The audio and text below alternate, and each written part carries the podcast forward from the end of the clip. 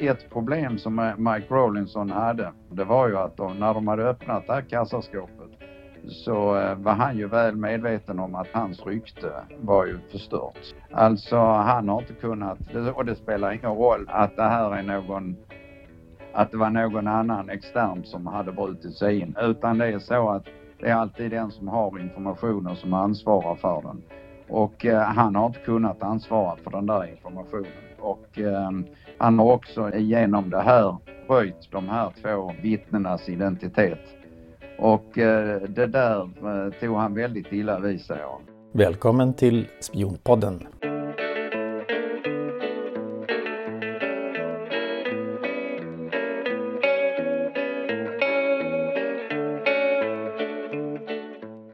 Nu fortsätter serien om fallet med den svenske underrättelseofficeren Mikael Rawlinsons märkliga öde och mystiska död. Den pensionerade chefsåklagaren Mats Mattsson, som även var chef för det internationella rättsväsendet i Kosovo mellan 2012 och 2014, fortsätter här sin smått otroliga, lite tragiska berättelse om sin tid inom Eulex i Kosovo.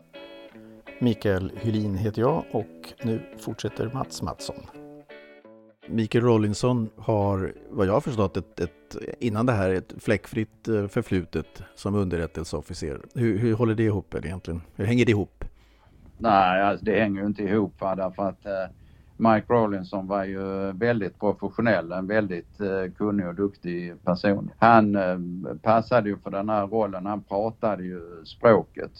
Eh, och eh, det var ju liksom, han, han hade ju koll på eh, både serb och och, han var rätt hyfsad på den här albanska språket också. Mm.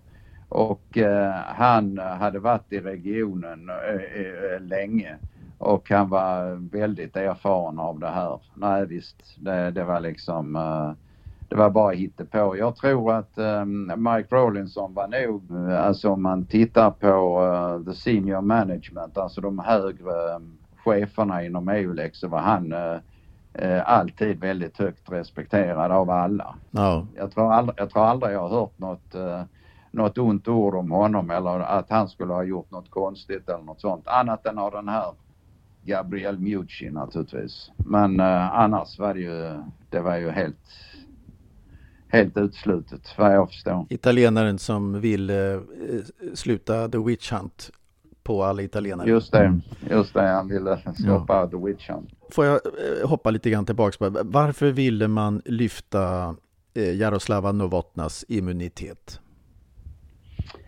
Alltså det var, det var så här, man, det, det visade sig va, att eh, Jaroslava Novotna och hon hade hanterat den här första eh, eh, skrivelsen som hade kommit till missionen, den mm. första som hade försvunnit.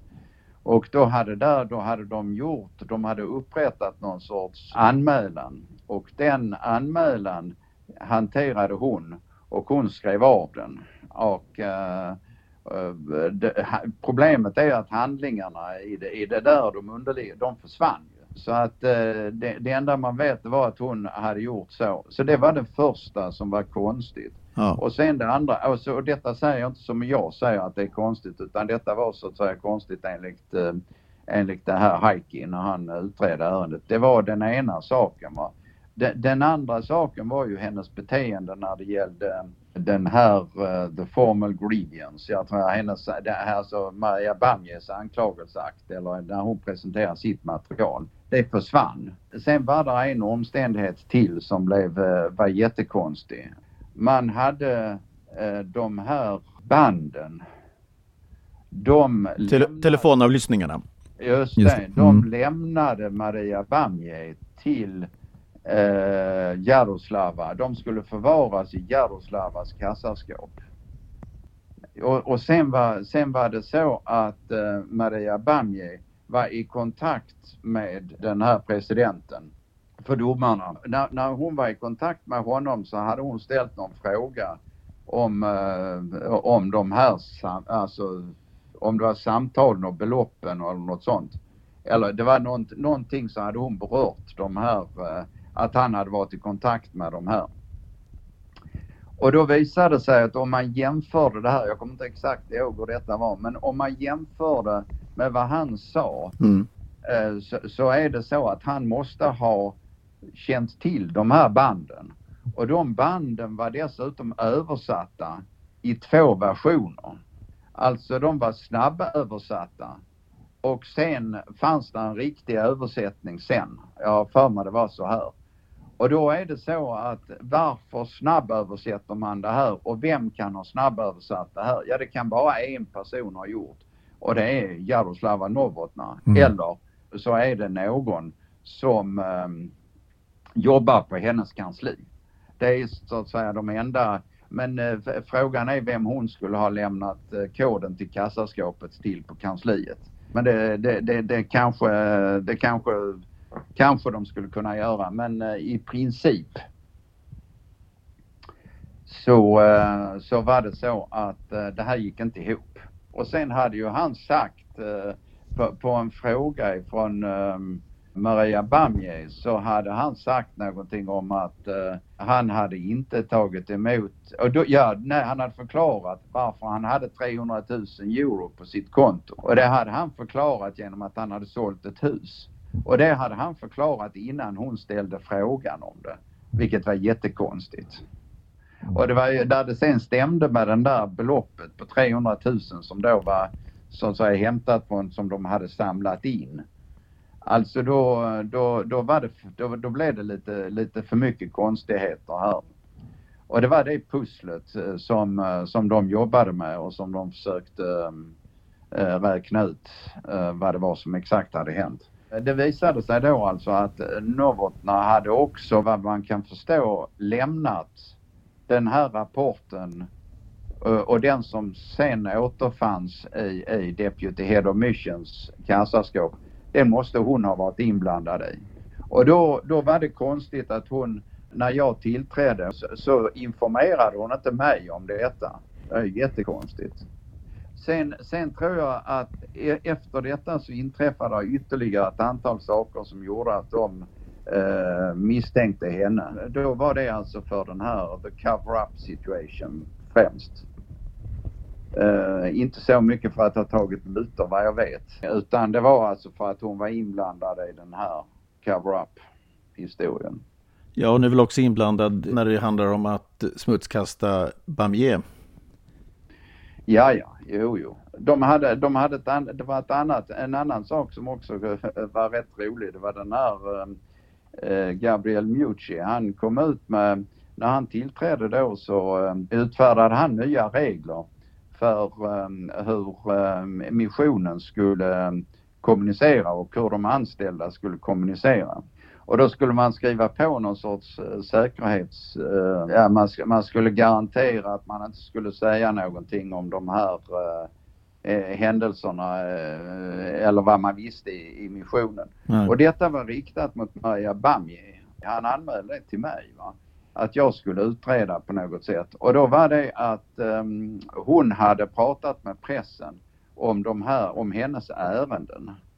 Hon hade alltså då pratat om, om sina, sina brottsutredningar med pressen. Det där eh, är ju rent eh, eh, fel ifrån Gabriel Mucis sida. Va? Och det sa jag ju till honom också att det där stämmer inte alls. För om vi ser på konstruktionen med den här missionen så är det så att vi handlar i Kosovos namn. Åklagarna som är här de representerar Kosovo, de representerar inte dig och de representerar inte missionen när de talar om sina ärenden. Så du kan inte belägga dem med tystnadsplikt i några ärenden. Det mm. går inte, det har du inget stöd för och det finns ett absolut förbud för detta i, i den här oplanen, alltså den lag som så att säga reglerar eh, missionsverksamheten. Så att eh, det, det, och den var han ju bunden av men det struntade ju han i. Men um, det, det, det ja. ja. Ja, det är en, en, eh, en, en, både, både en otroligt intressant men också en väldigt sorglig historia. Men det känns jättetråkigt. Men om jag får återkomma till, till eh, Rawlinson. Eh, Han får ju husarrest. Vad minns du av hela det där med, med när det började gå ut för, för eller konflikten mellan Rawlinson och eh, Mucci? Alltså eh, under den tiden som jag var kvar i missionen så mm. uh, gjorde han ju ingenting åt uh, den här uh, gruppen. Men i övrigt så gjorde han ju ingenting åt den här gruppen. Men när jag lämnade, det var då det så att säga då, då fick han ju Jaroslava Novotna till att vikariera på min tjänst. Så att den, min tjänst blev aldrig utlyst utan um, han införde en ständig vikarie på den. Hon var ju Chief Ulex Prosecutor. Hon var ju alltså eh, EULEX eh, chefsåklagare kan man säga. Mm. Och under henne fanns det ju två stora enheter. En som var The Special Prosecution of the Republic of Kosovo. Och den SPRK, det var där alla känsliga ärenden utreddes. Okay. Och, och, den, den enheten bestod av um, eh, både internationella åklagare och nationella åklagare. Och så det var under hennes tid sen som eh, problemen uppstod.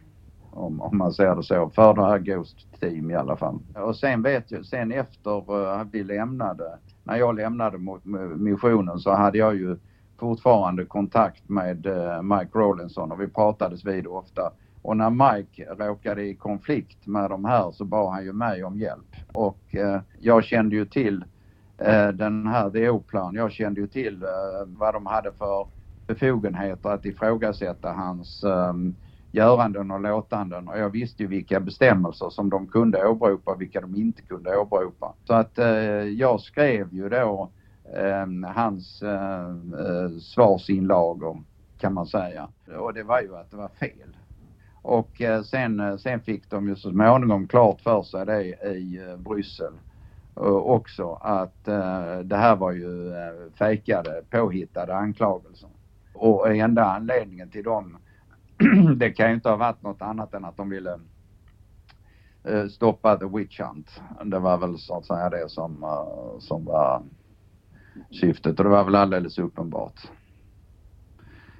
Och det, det gick ju till och med hem då hos um, uh, Bryssel.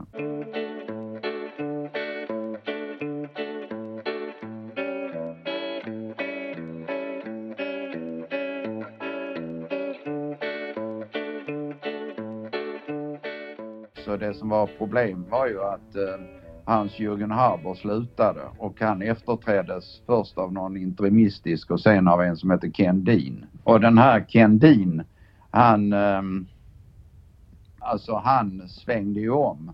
Och han svängde ju naturligtvis om när ehm, eh, Mogherini blev eh, utrikespolitisk chef eh, som han fick rapportera till.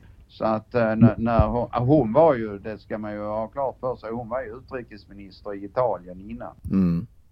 Hon ska ju veta det. Så att det är ju hon som har utnämnt eh, eh de här ambassadörerna som eh, vi nämnde tidigare. Ja.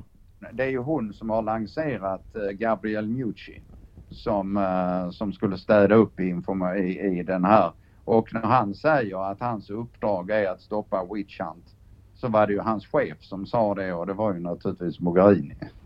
Så att det, det, kan inte vara så svårt att, att se att det här gick väldigt högt upp. Och då, eh, då är det så att då, då fungerar ju liksom inte riktigt, um, ingenting fungerar då i, i rättsväsendet skulle jag vilja påstå. Men eh, problemet från början var ju att eh, det, det bestod av två delar. Va? Den ena delen består ju av eh, själva brotten som sådana. Ja. Och brotten som sådana är ju en sak va? men det värsta eh, det tycker jag ju är mörkläggningen. Varför tycker du att det är värst?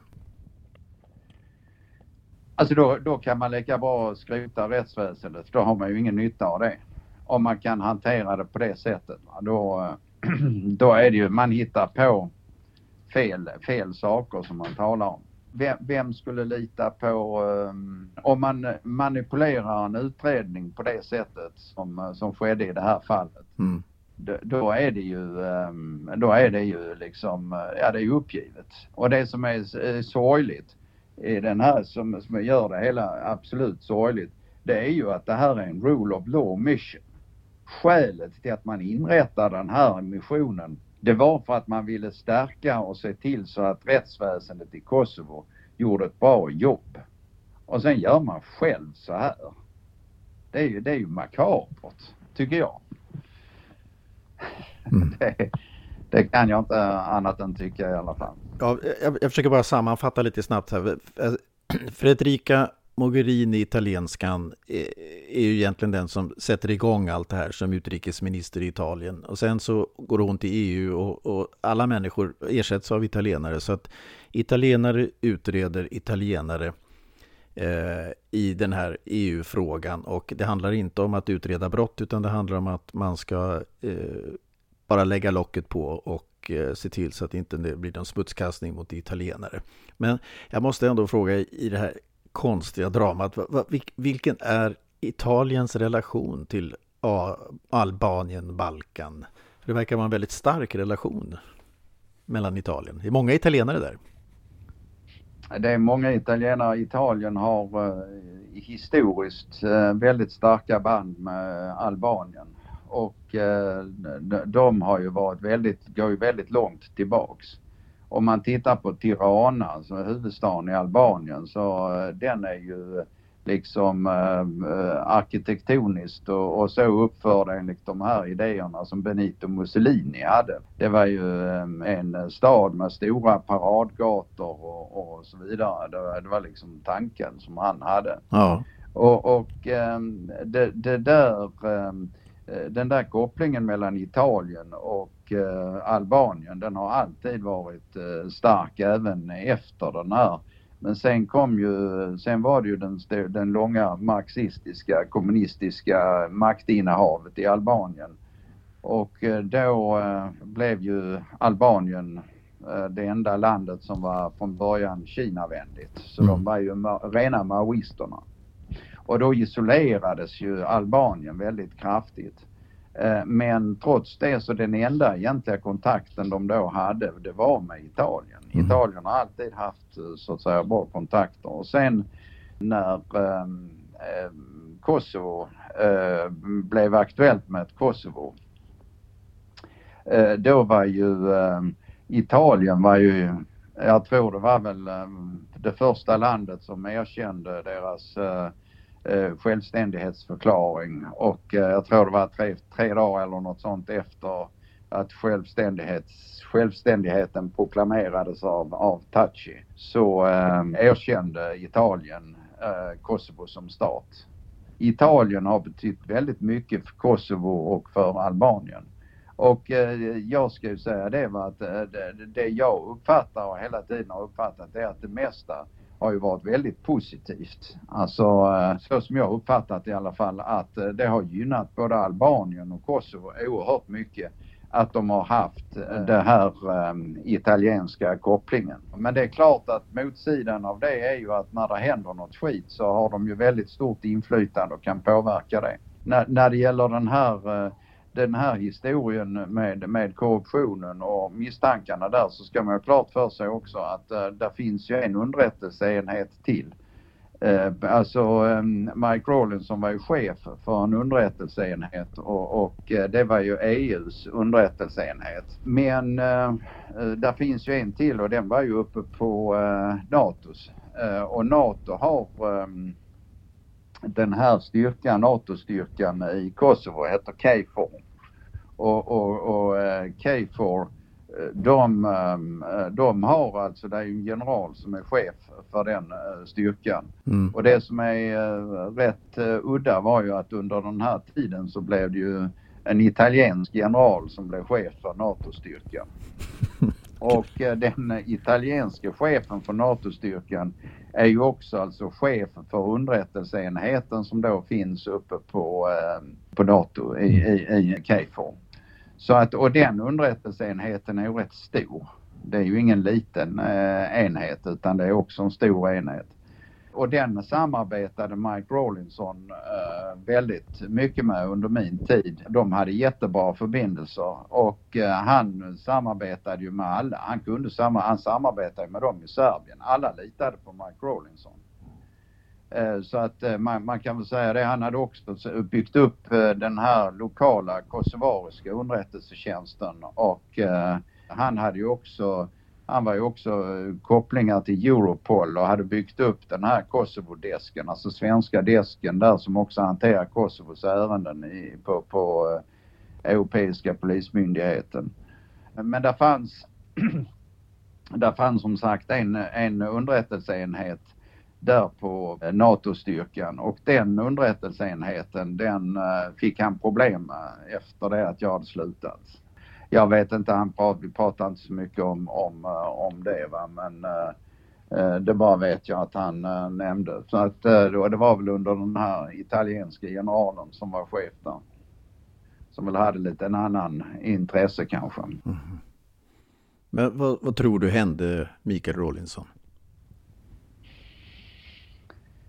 Uh, ja, alltså uh, jag pratade ju med honom och frågade hur, hur han kunde få de här eh, uh, mördarbakterierna på sig. Alltså han fick ju någon sorts streptokocker. Och uh, han hade ju, han hade, han var ju själv erfaren så att han hade ju um, undersökt det där och han hade sett det va, att den typen av bakterier de lever typiskt sett inte va. Alltså man kan inte, man kan inte överföra bakterierna uh, från, um, på ett normalt sätt alltså. Va?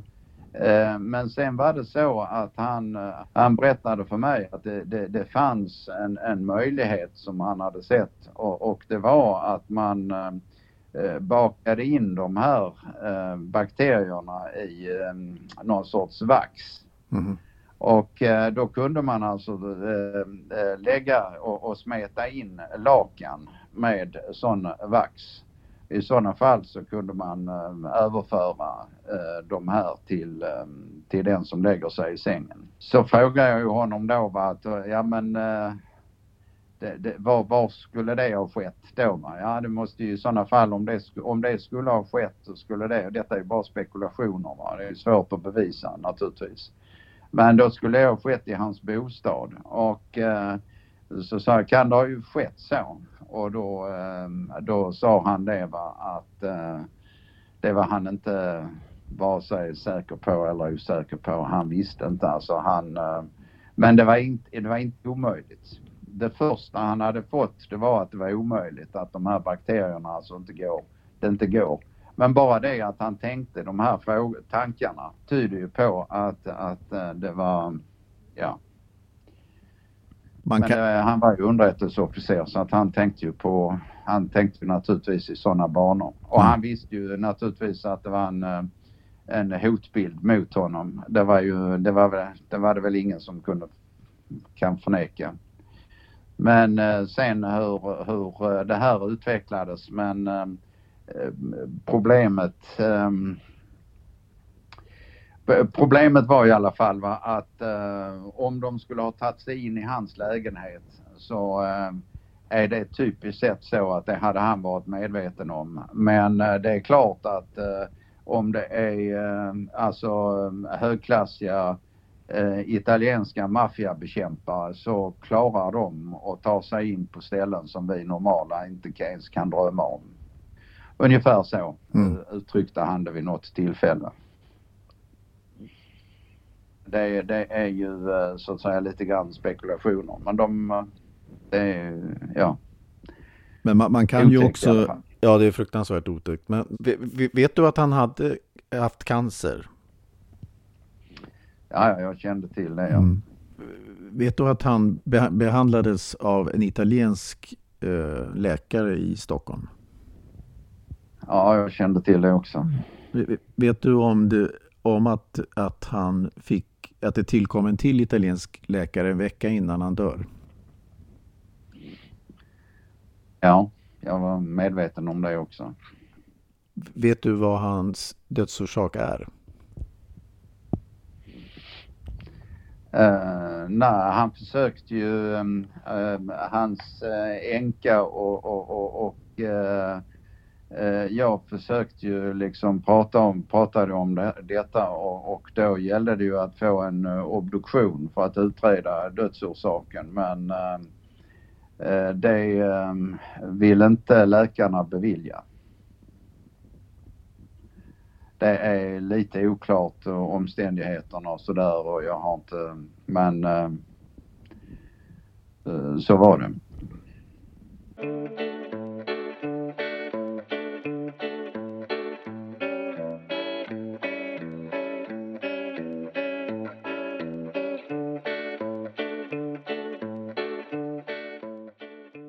Eh, vad, vad, tror du Sverige eller Must har för intresse av att, att eh, man ska sluta och, och rota i den här affären? I Mikael Rawlinsons fall. Alltså, alltså ett, eh, ett problem med alla de här underrättelsetjänsterna det, det är ju att de samarbetar och de, det samarbetet bygger på ett förtroende man måste kunna eh, lita på varandra. Och om man inte litar på varandra då är ju informationen inte värd något. Alltså eh, ett problem som Mike Rawlinson hade och som han eh, var oerhört störd över det var ju att de, när de hade öppnat det här kassaskåpet så eh, var han ju väl medveten om att hans rykte var ju förstört. Mm. Alltså han har inte kunnat, och det spelar ingen roll att det här är någon, att det var någon annan extern som hade brutit sig in. Utan det är så att det är alltid den som har informationen som ansvarar för den. Och eh, han har inte kunnat ansvara för den där informationen. Och eh, han har också genom det här eh, röjt de här två eh, vittnenas identitet. Och eh, det där eh, tog han väldigt illa vid sig av. Det, det, var, det var liksom, han såg det var att hans eh, anseende, vare sig han, han kunde göra något eller inte kunde göra något, det hade fått sig en ordentlig knäck tack vare det. Mm. Um, sen, sen är det ju så att de här underrättelsetjänsten, svenska underrättelsetjänsten är ju beroende, man måste ju veta det att Sverige är en väldigt liten underrättelsetjänst och, och eh, nu har ju MUST ett eh, internationellt sett eh, ganska bra rykte. Och, och det där ehm, eh, är ju ändå så att de är väldigt beroende av att andra lämnar information till MUST. Det måste man ju också förstå. Mm. Och italienarna som ju sitter på eh, Alltså det, det, det, det är ju så den italienska underrättelsetjänsten är ju en av de bästa i världen. Det måste man också hålla i minnet. Alltså de har, deras maffiabekämpning har de ju haft under jättelång tid och de är riktigt duktiga. När jag var i Bosnien så, så äh, träffade jag äh, ett par stycken sådana när jag skulle göra en sån här särskild äh, Eh, särskild utredningsåtgärd, det var en avlyssningshistoria. Och, och eh, då hade jag två stycken eh, sådana superspecialister från Italien som flögs in. De, de hette väl ungefär Bill och Bull, va? det var deras namn. Nej, var inte relevant och man kunde inte se på dem vad de var för något men de var extremt duktiga. Och jag, fick, jag jobbade ju då med underrättelsetjänsten där och eh, eh, de var ju väldigt imponerade av eh, deras insatser. Så att, eh, och då fick jag reda på det att eh, italienarna är väldigt duktiga på det här med underrättelse. Så att om, om det finns ett intresse av att hålla sig väl med italienarna och att, att få information även fortsättningsvis eh, Eh, ifrån italienarna så är väl det ett gott skäl till att eh, så att säga kanske blunda med något som redan har skett. Mm. Ja, det har varit fantastiskt. Får jag bara ställa en sista avslutande fråga? Ehm, det är ju ändå så att en, en svensk underrättelseofficer eh, har dött. Vad jag har förstått så dödsattesten skrevs lång, flera månader efter att han var död och det angavs tre orsaker, bland annat blodpropp, mördarbakterie i kombination med cancer. Eh, och eh, man gör alltså ingen utredning eh, av det här och Sverige har låtit sig nöjas med att Ken Dean gör högläsning av den här rapporten som EU eh, till slut gjorde om, om vad som hände med, med Rawlinson. Men vad bör, tycker du, enligt dig, vad bör, kan Sverige göra nu? Alltså, eh, om, om man tänker sig att man um, betraktar ärendet som eh, viktigt så har ju Sverige alltid möjligheter att uh, agera. För det är ju så här att uh, Sveriges utrikespolitik uh, den ehm, bestäms ju väldigt mycket av EU. Och då, då är det ju så att när EU har bestämt någonting så gäller ju det för Sverige. Men för att bestämma det här utrikespolitiken i EU så krävs det ju att um, alla länderna är, ense. Alltså man måste vara överens om allting. I annat fall så blir det inget. Så att alla länderna har veto. Sverige har veto och uh, man kunde alltså ha lämnat veto på när det gällde att uh, förnya det här kontraktet med Gabriel Mucci. Men uh, det gjorde man inte. Det utnyttjade man inte. Och, eh, Men vänta, det, för det sa ju utrikesministern att de hade stoppat eh, förnyelsen av Mucci. Det har han ju skrivit, det står till och med efter Paul Jonssons eh, inlaga.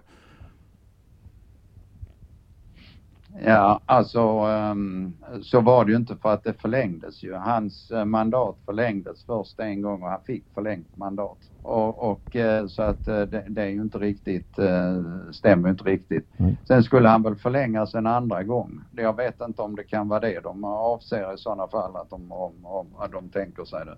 Men alltså det som um, är konstigt och det jag är, är väldigt märklig på det är ju att den här Francesco Florid, han fick alltså ut alla dokument som fanns i vårt ärende.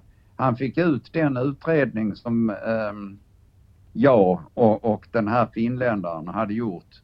Den preliminära, den, den som låg till grund för besluten om, om att inrätta en, en sån här utredningsgrupp med eh, Heikki Wendorf. Den eh, eh, rapporten lämnades utan vidare över till Francesco Florit. Han fick också del av eh, alla de andra handlingarna som vi hade. Vilket är oerhört märkligt att man gör det när man är, lämnar ut det till någon som är misstänkt för brott. Och det här visste ju italienarna. Va? Och det som var ganska märkligt eh, kan man väl också säga, det var det va, den rapporten kan inte ha kommit ifrån missionen. För den fanns ehm, eh, inte i, i missionen i det skicket utan den versionen som de hade, som han hade. Det är den versionen som vi skickade till, eh, på begäran som vi skickade till um, uh, the Civil Operations Commander. Alltså till EU. Så att uh, i EU på, på den här så har man alltså läckt den här informationen i en brottsutredning till den misstänkte. Alltså det, det är ju, um, varför gör man det? Ja. Hur, hur, kan det gå till? Det, är ju, det är ganska uppenbart att det här med att man ville så att säga tysta ner saken. Men är det Fredrika Mogherini själv som har läckt den då eller? Ja men det kan man ju inte veta. Det, mm. den, den här rapporten skickades ju till till eh, Civil Operations Commander och okay. Eh, Civil Operations Commander är, är, ju bara ansvarig inför ett organ. Det är det här PSC, Political and Security Committee och det, den, det organet är, består ju av ambassadörer från, eh, från alla medlemsländerna. Och alla de åtgärder som Civil Operations Commander beslutar, de ska ju ha sin grund i PSC. Så att PSC har ju tidigare beslutat om detta och där kan ju Sveriges ambassadör i PSC kan ju lämna veto. Så är det ju. Är det så att man eh, vill lämna det ännu högre upp så kan man ju göra det. Sverige har ju veto. Om man nu vill. Och jag bara tänkte om man jämför liksom med hanteringen av eh, fallet med Francesco Florit som själv blev informerad om i detalj om vad, vad det var för någonting som pågick mot honom. Så kan man jämföra med den utredningen som var mot Mike Rawlinson. Han blev, här blev inte ens Sverige informerat om, om det här. inte ens Sverige fick se och ta del av den här handlingen. Kan du, kan du förklara det för mig? Det är ju jättekonstigt. Var, varför behandlar man folk så olika och varför behandlas länderna så olika? Ja, då vill de väl inte. För jag menar, hade de velat se den så hade de naturligtvis fått den. Och det, jag, kan ju, jag har ju jättesvårt uppriktigt sagt att, att förstå att Sverige inte eh, har fått se den rapporten. Det, det, det måste man ju ha fått om man vill. Ja, det, det, får, det är ett fantastiskt slut Mats. Eh, jag vill verkligen tacka dig och eh, ja, det varit otroligt intressant att få prata med dig. Ja, tack själv. Ja, det bra. Vi okay. hörs. Hej, hej. Ja, hej.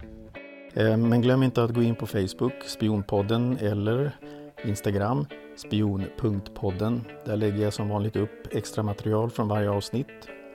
Mikael Hylin heter jag och vi hörs snart igen hoppas jag. Hej!